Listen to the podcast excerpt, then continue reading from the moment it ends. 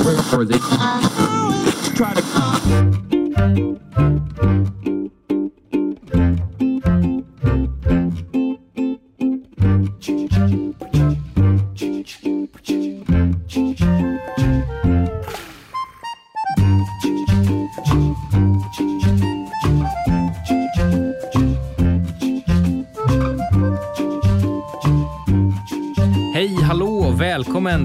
Smaskigt avsnitt av Frekvens. Jag som pratar just nu heter Daniel Olofsson och på andra sidan dekagonbordet sitter mannen som ständigt har för mycket att göra, Erik Bäckman. Hur är läget?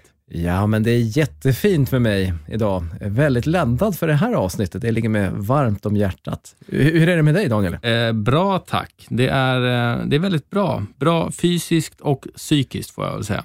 Det är viktigt med, med både och. Ja, det, de går lite hand i hand. Nej, inte alltid hand i hand, men det är bra när de går hand i hand, att båda är bra. Precis. Eh, idag ska vi prata om eh, ROI, Return on Investment, in, Investments, MES, kan, nej, Ah, Det, det, det är nog med eh, investment som är utan S. okej. Men man kan göra fler investeringar. Ja, absolut. Och det är någonting som vi förordar också. Men, men just i det här fallet så handlar det om att mäta en investering. Eh, En investering då i radioreklam.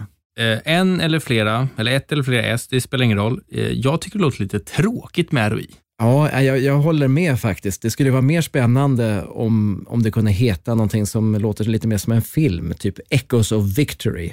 Eller hur? Det är ett eh, bra namn och det är faktiskt så den här studien från Tyskland heter. Just det. Eh, och den undersökningen är ju vad vi ska snacka om idag. Jag tycker att det är en väldigt spännande undersökning. Framförallt så tar den upp långsiktiga effekter utav marknadsföring. Och det är ju någonting som man kanske inte fokuserar på så ofta i den här typen utav, studier. Men det är kanske lika bra att vi redogör för den här eh, studien i helhet, vad, vad, vad det är för någonting. Eh, om vi börjar från början då, Daniel. Ja, det här är då en stor studie som genomförts med GFKs panel. GFK är alltså ett researchföretag, precis som Sifo. Ja, eh, exakt. Som vi använder oss av. Och den här är gjord då på den panelen, alltså GFK har då en, en konsumentpanel på 65 000 personer, som är då 30 000 hushåll, som rapporterar sina köp regelbundet. De fyller i enkäter om till exempel eh, mediekonsumtion. Så då har man ju då mediekonsumtion och inköpsdata på individnivå över en ganska lång tid. Om man tittade på 170 stycken kampanjer, varav 72 var detaljhandel eller återförsäljare, detaljister och 98 var konsumentvarumärken. Och, och jag som gillar att, att gå pang på rödbetan, jag är lite fräck här och jag sticker in redan nu med eh, resultatet utav undersökningen. För det som man kunde se var att konsumentvarumärken, de fick ett ROI på 1,45, alltså 1,45 gånger investeringen tillbaka. Och man tittar också här på chansen, för att det är klart, det är inte alla som får exakt 1,45. Utan man tittar också på hur stor chansen är att man då ska få över pengarna tillbaka, det vill säga över 1 tillbaka. Och den chansen är 65 procent för konsumentvarumärken. Men sen kikar man också på detaljister då, eller återförsäljare. Och där är ROI hela 6,62, så alltså över sex gånger pengarna tillbaka. Och här är då chansen till ett ROI över 1,97 procent. Så det är en väldigt, väldigt säker lott.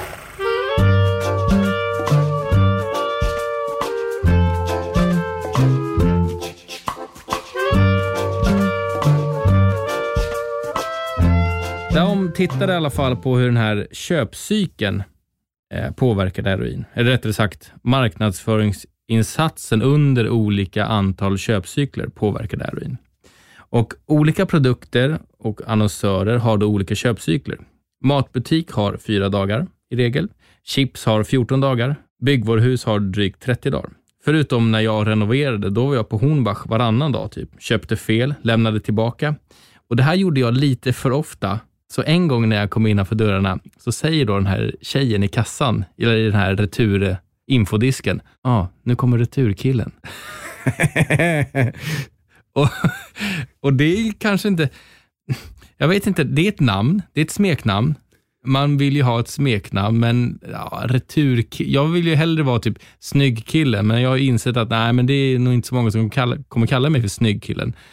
Ja, men Returkillen, det, det är ändå ganska fint. Eh, och, och just Hornbach, det är ju det är ett tyskt företag, så det passar ju bra ihop med den här undersökningen då. Ja, det är ju någonting i alla fall. Eh, man brukar säga hellre ökänd än okänd, men det är ett annat avsnitt. Hur som, senap har en köpcykel på 90 dagar, säger de det? Ja, jag trodde ju att man käkar jättemycket senap i Tyskland och köpte oftare. Ja, fast det framgår inte, vad jag har sett i metoddelen, hur stor den här senapsflaskan är. Det kanske är en tunna. Man kunde, vad jag förstår, liksom se att korttidseffekten fick man efter en till två köpcykler ungefär. Och sen så fick man en långtidseffekt efter flera cykler. Eh, och Det här är väl bra att ha med sig, kan jag tycka, när man ska utvärdera sin egen kampanj. Alltså att man måste ta hänsyn till vad man har för köpcykel egentligen på sin produkt eller tjänst. Just det, för den här långsiktiga idén vad den här studien, eller vad vi väljer att fokusera på den här studien, att kampanjer som går över flera köpcykler har högre ROI än snittet. Och om det inte skulle finnas någon korrelation med kampanjlängd och ökad ROI, så skulle ju då ROI ligga plant oavsett om du annonserar över en eller flera köpcykler. Men det finns ett samband mellan kampanjlängd och ROI. Ett exempel då, då, som de tar upp är då den här snittdetaljisten som har en basförsäljning under en köpcykel som varar i, i 14 dagar på 35 miljoner euro. Nu låter det här som att det är enorma summor. Men det är Tyskland. Men det är Tyskland. De har jättestora korvar och jättestora senapstunnor där. Ja, nej men det är Tyskland, vad är de? 90 miljoner ja, ish? Ja, så det är, det är tio gånger Sverige. Ja, typ ungefär. något sånt. Så att det, det är höga belopp eh, som det här har kommit med i. Men när den här radiokampanjen då pågår under en köpcykel så ökar försäljningen i det här fallet med 1,8 miljoner euro. In alles eh, ett ROI, eller en ROI då, på 5,29. Men, men det var då under en eh, köpcykel, eller, eller ja, en 14 dagars period egentligen? Precis, så skulle sedan samma detaljist annonsera ytterligare under en köpcykel och investera då ytterligare samma mängd pengar, så, kommer den här in, så borde ju då intäktsökningen vara 1,8 miljoner igen. Men istället så blir den då 2,2 miljoner. Och därför ökar ROIn över hela perioden då från 5,29 till 5,82. Och kollar man bara enbart ROI under köpcykel 2 så är den då på 6,29. Det, det är många kommatecken och decimaler och siffror som flyger här, men summa summarum är 1 plus 1 blir mer än 2 i det här fallet. Och Det kan man förklara med att köp under andra köpcykeln kan vara köp som är liksom eftersläpande från den första köpcykeln. Det kan vara repeterade köp på grund av den ökade tänkbarheten eller köpsannolikheten. Samma sak händer även när annonsering under en tredje köpcykel investeras, då ROIn har då ökat till 6,15 totalt. Och, och, här kan man ju liksom tycka då att nej, men, vadå, det är klart att det blir mer försäljning och bättre försäljning när man lägger på mer budget. Eh, så är det. Men, men det som händer här då Daniel, det är ju att alltså, vi jämför ju inte bara pengar mot pengar, utan det är faktiskt ROI-talet mot ROI-talet som vi jämför. Så det är precis som du säger, att det blir ett plus ett blir mer än två i det här fallet. Eh, och det är liksom det som är intressant och stora poängen här. Men då, alltså om man skulle sprida ut en kampanj över en längre tid och behålla samma budget, eh, då, då skulle det bli högre ROI då, eller hur? Yes, för det de såg då i, i det här var ju skillnaden mellan om man säger en sprintkampanj eller en maratonkampanj. Alltså vilket är bäst? Ska man då mata på i ett högt tryck under en köpcykel? Eller, eller ska man smårulla under flera köpcykler? Ja, vi tar alltså samma peng, i det här fallet en konsumentvaruannonsör som investerar en miljon under köpcykel 1. Där kan man då på genomsnittnivå se en tydlig försäljningsökning under den här perioden. Om man nu skulle stoppa all marknadsföring direkt efter köpcykel 1 så kan man även se att köpcykel 2 även har en ökad försäljning. Och det är just det här, det som slaskar över från, från det ena till det andra. Och den här ökningen är ju då avtagande över 10 cykler. Så har totalt över de här 10 cyklerna så har försäljningen ändå ökat med 4 och ROI landar i det här fallet på 1,63 för hela perioden. Men de flesta de kikar ju ändå på ett kampanjutfall över en kortare kampanjperiod som täcker en köpcykel som bäst kanske. Men det som är coolt är ju att man i den här studien har gått längre och utvärderat vad marknadsföringen verkligen kan göra under lång sikt. Ja, och tittar vi då på en, en långsiktig marknadsföringsinsats med samma belopp utspritt över tio köpcykler. Alltså vi tar, istället för att ta en miljon i köpcykel 1, så sprider vi ut då 100 000 under tio cykler. Och då har man sett att det här är mer framgångsrikt på, på längre sikt. Så att under den här köpcykel 1 så kommer det inte ske jättemycket. Det blir inte en jättehög ROI i köpcykel 1. Men den här ökningen, den repeterar sig och ökar för varje köpcykel. Så i slutändan så har vi då en försäljningsökning på 8,8 procent istället för 4. Och det är ganska stor skillnad när man då har kollat över många köpcykler. Det kan ju vara över ett år då till exempel. Och du, jag kom på en sak, det här är ju ganska, man kan dra paralleller till en massa saker, men till exempel du som gillar träning och, och löpning och så här. Det, det är ju som att gå på gymmet och köra ett 12 timmars pass en dag. Eller ska man gå 12 gånger återkommande, kanske en gång i veckan under en längre period? Vilket får man mest resultat av där? Ja, men precis, för det är ju ändå så här, ska man mäta så ska man göra det på lång sikt. Alltså så här, jag går ju hellre och tränar tre gånger i veckan i ett helt år än tränar ja, sex gånger i veckan i ett halvår eller tolv gånger i veckan under ett kvartal. Alltså, för Precis. det kommer inte hända någonting i slutet då. Eller om man ska käka pannkakor. Det är ju faktiskt, det är najsare att käka pannkakor 40 gånger på ett år än, än att käka 40 pannkakor på en dag. Ja. Så, att, så att det här, det, det, det går att ta sådana paralleller in i marknadsföringsvärlden helt enkelt.